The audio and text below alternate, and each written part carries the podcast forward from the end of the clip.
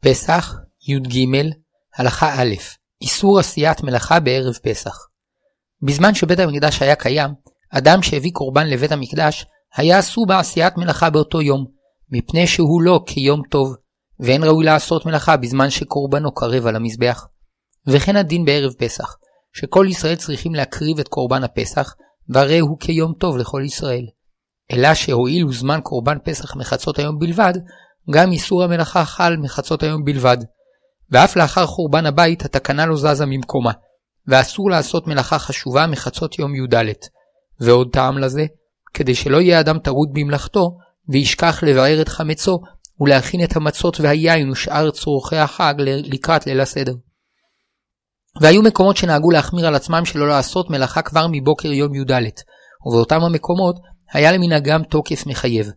אמנם למעשה, המנהג הרווח כיום בכל המקומות לעשות מלאכה עד חצות היום. אמנם גם בכל ערב שבת תקנו חכמים שלא לעשות מלאכה חשובה, כדי שיהיו פנויים להכנות לשבת, אלא שבערב פסח דין זה חמור יותר, שבערב שבת אמרו חכמים שכל העושה מלאכה אינו רואה ממנה סימן ברכה, ואילו בערב פסח אף היו מנדים את מי שעשה מלאכה. בערב שבת אנו פוסקים להלכה שהאיסור חל מעת מנחה קטנה, היינו שעתיים וחצי זמניות לפני שקיעת החמה, ואילו בערב פסח האיסור חל מחצות היום. פסח, י"ג, הלכה ב' איזו מלאכה אסורה. איסור מלאכה בערב פסח אחר חצות חל על מלאכות גמורות שרגילים להתפרנס בהן, כתפירת בגדים, בניית רהיטים ונטיעת שתילים. אבל מותר לבשל, לנקות את הבית או לנסוע לקראת החג. ככלל, איסור המלאכה בערב פסח דומה במידה רבה לאיסור מלאכה בחול המועד, ובדברים מסוימים הוא אף קל ממנו במעט, לפיכך, כל מה שהתירו חכמים לעשות בחול המועד, מותר גם בערב פסח. שלושה סוגי מלאכות ישנם מלאכה גמורה, מלאכת אומן לתיקון ומלאכת אדיוט. מלאכות גמורות כתפירת בגדים, בניית רהיטים ותספורת, בכל מקרה אסורות, ואפילו בחינם. אולם תיקון בגד, אפילו אם נדרשת לכך מלאכת אומן, אינה נחשבת למלאכה גמורה. לפיכך, בשכר אסור, ובחינם ובחינם לצורך המועד מותר. ומלאכת אדיוט לצורך המועד, היינו תיקון קל שכל אחד יודע לתקנו כתפירת כפתור, מותר אפילו בשכר, ובתנאי שזו עבודה ארעית. וכן מותר לאדם לכתוב לעצמו סיכומים וחידושים בדרך לימודו, אך למי שפרנסתו מהקלדה או העתקה, אסור, מפני שעבורו זו מלאכה גמורה. אף שאסור להסתפר אחר חצות היום, להתגלח במכונה אישית מותר, מפני שזו מלאכת אדיוט. וכן מותר לגהץ בגדים ולצחצח נעליים ולגזוז ציפורניים לכבוד החג אחר חצות היום. ויש מהדרים להתגלח ולגזוז ציפורניים לפני חצות. כאמור, כל המלאכות המותרות בחול המועד מותרות בערב פסח אחר חצות. אלו הם חמשת סוגי ההיתרים שישנם בחול המועד. א', מלאכת אומן בשכר לצורכי הגוף, ובעיקר לצורך הכנת מאכלי החג. ב', מלאכת אדיוט בשכר או מלאכת אומן בחינם לשאר צורכי החג. ג', מלאכת הדבר האבד, למניעת הפסד משמעותי, אפילו על ידי אומן ובשכר. ד. צורכי רבים או צורכי מצווה. ה. לעני שאין כסף לקנות צורכי החג, מותרת כל עבודה לצורך קניית מאכלי החג. פסח, י"ג, הלכה ג' תענית בכורות. נהגו הבכורים להתענות בערב פסח, זכר לנס שנעשה להם במצרים, שכל בכורי מצרים מתו, ובכורי ישראל ניצולו. כדי לבאר מעט את משמעותה של מכת בכורות, צריך לבאר שבכל בכור, בנוסף לכך שהוא גדול האחים, יש גם ביטוי של ראשוניות, שבהיוולדו החלו החיים החדשים של הדור הבא להתגלות. לפיכך מוטלת על הבכור אחריות גדולה. אם יבחר בטוב, יגלה את שורש הראשוניות, את היסוד החשוב ביותר, האמונה בבורא העולם, ובדרכו ילכו שער רחב. ואם יבחר ברע, יכפור ויתגאה ויחשוב כי הוא הגדול והחשוב, ויהיה טרוד בהגדלת כבודו וסיפוק תאוותיו, וזה היה חטאם של המצריים שחשבו את עצמם לאדוני העולם, וכפרו בהשם, וכשנצטוו לשלח את ישראל כדי שיעבדו את השם ויקבלו את תורתו, הקשו את עורפם, ולא שילחו את ישראל. ופרעה, שהיה בכור, הוביל את גאוותם וכפירתם. גם ליום הראשון של פסח יש תכונה של בכורה, שהוא היום הראשון שבו החל הקדוש ברוך הוא להתגלות בעולם. שעד אז היו ניסים פרטיים לאנשים מיוחדים, ומאז החל הקדוש ברוך הוא להתגלות דרך עם שלם, עם ישראל. וכשהגיע היום הגדול שיועד לגילוי שורש האמונה בעולם, התעורר קטרוג גדול על בכורי מצרים שכפרו בהשם והקשו את עורפם ומנעו את גילוי אורו על ידי עם ישראל. ועם תחילת ההתגלות האלוקית בחצות הלילה, הוכו ונשברו, ובכורי ישראל, שביטאו את אמונתם בהשם בשחיטת השה שהיה אלוהי מצרים, ובמריחת דמו במסירות נפש על המזוזות, ניצלו והתקדשו. בכל שנה אנו זוכים לחזור אל הלילה המיוחד של ליל הסדר, שבו מתגלה שורש האמונה. אלא שבד בבד עם התקרבות הלילה המקודש, מתעורר קטרוג על הבכורים. האם הם קשורים כראוי לתורה ולמצוות? האם הם מגלים את שמו יתברך כפי שהיה ראוי? ולכן נהגו הבכורים להתענות ולחזור בתשובה בערב הפסח. צום זה קל מצומות אחרים, מפני שכל הצומות נתקנו על ידי חכמים, ואילו תענית בכורות הוא מנהג שנהגו בו הרבה בכורים, אבל לא תוקן על ידי חכמים כדין מחייב, לכן נוהגים להקל בו. למשל, מי שסובל מכאב ראש או שמצטער מכאב עיניים, אף שאינו נחשב חולה ובשאר הצומות הוא חייב, מתענית בכורות הוא פטור. וכן מי שחושש שאם יצום לא יוכל לקיים בערב כראוי את מצוות אכילת מצה והסיפור ביציאת מצרים, מוטב שלא יצום. וכן נוהגים שכל המשתתף בסעודת מצווה נפטר מהצום. פסח, י"ג, הלכה ד' על מי מנהג הצום. שני סוגי הבכורים במנהג זה, מפני שבמצרים מתו כל סוגי הבכורים. הסוג הראשון, בכור לאביו, והוא היורש פי שניים בנחלתו. ואף שלאמו כבר נולדו ילדים תחילה מבעל אחר, או שההיריון שלפניו נסתיים בהפלה, ולכן אינו בכור לאמו ופטור מפדיון בכורות, מכל מקום, כיוון שהוא בכור לאביו לדין ירושה, אף הוא במנהג התענית. הסוג השני, בכור לאמו, והוא החייב בפדיון בכורות, ולמרות שלאביו כבר נולדו ילדים מאישה אחרת, ולכן אינו יורש כפליים בנחלתו. כיוון שהוא בכור לאמו, הרי הוא פטר רחם שפתח את רחמה, וחייב בפדיון בכורות. ובכור לאמו שנולד בניתוח קיסרי, כיוון שאין דינו כבכור לא לעניין ירושה ולא לעניין פדיון בכורות, אינו צריך להתענות בערב פסח. גם בכורי כהנים ולוויים נהגו לצום, ואף שהתורה פטרה אותם מפדיון בכורות, מכל מקום הרי הם בכורים. בת בכורה אינה צריכה להתענות, ואומנם יש סוברים שגם בכורות נקבות מתו במצרים, אולם המנהג הרווח שאינן מתענות.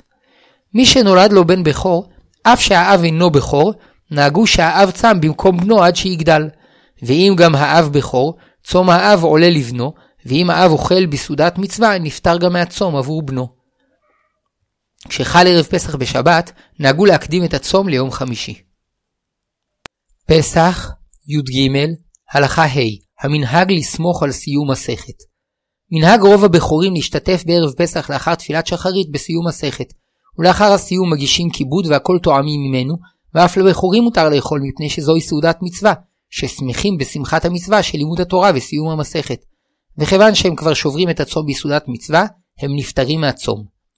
אמנם בדורות הקודמים נחלקו בזה הפוסקים, ויש שהחמירו והורו שרק מי שמסיים בעצמו מסכת רשאי לאכול בסעודת מצווה. אבל בחורים אחרים שאינם קשורים כל כך לשמחה, אינם יכולים לשבור את הצום בסעודת הסיום של חברם. ובמיוחד הדברים אמורים כאשר במשך כל השנה אין מסיימי המסכתות רגילים לערוך סעודות מצווה, ואף הבכורים אינם רגילים להשתתף בסיומי המסכתות של חבריהם. ורק לקראת ערב פסח עורכים סיום לכל הבכורים, ונראה הדבר שאינם באים לשמוח בסעודת מצווה, אלא כדי להיפטר מהצום. ועוד, שגם מסיים המסכת פעמים רבות לא סיים את המסכת בדיוק בערב פסח, אלא שבוע שבועיים לפני כן, ודחה את הסיום לערב פסח כדי להיפטר מהצום בסעודת מצווה. ולדעת המחמירים אין ראוי לעשות כן. כי עיקר השמחה בשעת סיום לימוד המסכת, ולא בעת שמקריאים את השורות האחרונות כדי לעשות סיום בערב פסח. אולם למעשה המנהג לסמוך על הפוסקים המקלים, שכל המשתתפים בסעודת סיום פטורים מהצום. ואפילו אם אינם רגילים במשך השנה לערוך סעודת סיום, ואפילו אם דחו לערב פסח את סיום המסכת. והטעם, מפני שבפועל כאשר מסיימים מסכת ראוי לשמוח והרי זו סעודת מצווה. ועוד, שכל יסוד תענית בכורים במנהג ולא בתקנה מחייבת, ובתלמוד הבבלי וברמב"ם לא נזכר צום זה כלל, והיו מגדולי הראשונים שסברו שאין הבכורים חייבים לצום בערב פסח. לפיכך, בכל מקום שיש מחלוקת, יד המקלים על העליונה. ועוד, שבדורות האחרונים איננו רגילים להרבות בתעניות, ואם הבכורים יטענו, קרוב לוודאי שהצום יפגע בהכנות לחג. ואף בליל הסדר הבכורים ירצו להזדרז לסיים את אמירת ההגדה כדי לסיים את הצום. לפיכך, נהגו רבים מגדולי ישראל להיפטר מהצום על ידי סיום מסכת. ורק מי שיודע בעצמו שהצום לא יפגע בהכנותיו לחג ובקיום מצוות ליל הסדר, יכול להחמיר על עצמו לצום בערב פסח. וכן נהגו מרן הרב קוק ובנו מורנו ורבנו הרב צבי יהודה, שהיו בכורים והיו צמים בערב פסח. סיום שכל המשתתפים בו פטורים מהצום, הוא סיום מסכת מהתלמוד הבבלי או הירושלמי, וכן סיום סדר שלם משישה סדרי משנה, ובתנאי שהלימוד היה בהבנה ולא בקריאה בלבד. פסח, י"ג, הלכה ו' איסור אכילת מצה ביום י"ד. אסרו חכמים לאכול מצה בערב פסח, כדי שתהיה חביבה בעת אכילתה בלילה, וכדי שיהא היכר בין אכילה שלפני פסח לאכילת מצת מצווה בליל הסדר. איסור זה חל גם על ילדים קטנים שמבינים את משמעות המצה, שהיא זכר ליציאת מצרים. אבל מותר להאכיל מצה בערב פסח לקטנים שאינם מבינים זאת. האיסור מתחיל מעלות השחר, ויש שהחמירו על עצמם שלא לאכול מצה כבר מראש חודש ניסן, ויש שנהגו להימנע מאכילת מצה 30 יום לפני הפסח, אבל מצד הדין, רק ביום י"ד בניסן צריכים להימנע מאכילת מצה. במחנות צה"ל ובבתי חולים רגילים לבאר את החמץ מספר ימים לפני פסח, שאם לא יעשו כן, יש חשש שיישאר חמץ בפסח במטבחים ובמחנות. כדי שיהיה לחיילים ולחולים מה לאכול, גם בימים שלפני הפסח נותנים להם לאכול מצות. אולם בערב פסח עליהם להימנע מאכילת מצות. איסור אכילת מצה בערב פסח חל גם על שברי מצה קטנים שנילושו ביין או שמן, ואף אם יופו את התערובת הזאת, כל זמן שצורת המצה נשארה על השברים, הרי שברכתם המוציא ואסור לאוכלם בערב פסח. אבל אם השברים שנילושו ונופו ונאפו איבדו את צורת המצה שלהם, ברכתם מזונות, ומותר לאוכלם בערב פסח. ויש מחמירים בזה, ולדעתם אפילו אם פוררו את המצה לפירורים קטנים כקמח מצה, ולשו אותם בשמן או בדברי מתיקה ואפו מהם עוגה או עוגיות, ולא נותרה להם צורת מצה, אסור לאוכלם. משום שעדיין ברכת המוציא שייכת להם, שאם יאכלו מהם כשיעור קביעות סעודה, יברכו עליהם המוציא. נמצא שעדיין לא פג מהם שם מצה, וממילא איסור אכילת מצה בערב פסח חל גם על המאפים המבוססים על קמח מצה. אבל אם עשו מהפירורים קציצות ובישלום, לכל הדעות מותר לאוכלם בערב פסח, שאחר הבישול לא נשאר שם מצה על הפירורים, ואף אם יאכלו מהם שיעור קביעת סעודה, ברכתם מזונות, הואיל והם תבשיל ולא מאפה. ואפילו אם בישלו מצה שלמה שיש בה שיעור כזית, אף שברכתה המוציא, לדעת רוב הפוסקים מותר לאוכלה בערב פסח. פסח, י"ג, הלכה ז', סיכום המאכלים שמותר לאכול בערב פסח. כפי שלמדנו, מחצות יום י"ד מתחיל זמן איסור אכילת חמץ מהתורה, וכדי לעשות סייג לאיסור, הוסיפו, הוסיפו חכמים עוד שעתיים. נמצא שמותר לאכול חמץ בערב פסח עד סוף השעה הרביעית של היום, וכפי שמבואר בלוחות הזמנים, יש שתי שיטות כיצד לחשב את השעות הזמניות. לשיטת מגן אברהם מתחילים לחשב את השעות מעלות השחר, ולשיטת הגר"א מהנץ החמה. לכתחילה טוב להחמיר לסיים את אכילת חמץ לפי, עד לסוף ארבע שעות לפי מגן אברהם. אולם בשעת הצורך, כיוון שהאיסור לאכול חמץ אחר השעה הרביעית מדברי חכמים, אפשר להקל ולאכול חמץ עד סוף ארבע שעות לפי חשבון הגר"א. לאחר ארבע שעות מתעוררת בעיה אצל הנוהגים שלא לאכול קטניות בפסח. איזה מאכל יוכלו לאכול כדי לסבוע? חמץ וקטניות הרי אסור, ואף מצה אסרו חכמים לאכול ביום י"ד, כדי שתהיה ניכרת וחביבה בליל הסדר. לגבי עוגות ועוגיות שנאפו מקמח מצה, למדנו בהלכה הקודמת שנחלקו הפוסקים, ולמעשה אפשר להקל בספק של איסור חכמים, והמחמיר תבוא עליו ברכה, וקציצות מבושלות מקמח מצה, לכל הדעות מותר לאכול. מצה עשירה, היינו קמח שנילוש במי פירות, כיין ושמן או שאר מיצי פירות, למנהג יוצאי ספרד מותר לאכול בפסח ובערב פסח, ולמנהג יוצאי אשכנז אסור. כיום שהתעוררו ספקות גדולים על דרך ייצור מצה עשירה, לדעת רבים מהפוסקים גם יוצאי ספרד צריכים להימנע מלאכול מצה עשירה, ואפילו בערב פסח אחר חצות. גם לנוהגים לאכול מצה עשירה, שיוצרה כדין בלא פקפוקים, מותר לאוכלה עד לסוף תשע שעות זמניות של היום, אבל לאחר תחילת השעה העשירית, כשלוש שעות קודם כניסת החג, אסרו חכמים לאכול כל מיני מזונות, כדי לשמור את התיאבון לאכילת המצות וסעודת החג בליל הסדר. ומי שרעב באותן השעות, יכול לאכול מעט פירות, ירקות, בשר ודגים, ובלבד שיקפיד לאכול מעט, כדי שיגיע לערב כשהוא רעב. ומי שהוא רגיש במיוחד, ואם יאכל בצהרי היום בשר או דבר אחר כבר לא יהיה רעב בלילה, צריך לתכנן את מאכלו ביום י"ד, כך שבליל הסדר יאכל את המצות לתיאבון. פסח, י"ג, הלכה ח' אפיית מצות ואמירת קורבן פסח. יש נוהגים להדר לאפות את מצות המצווה אחר חצות יום י"ד, בזמן הראוי להקרבת קורבן הפסח.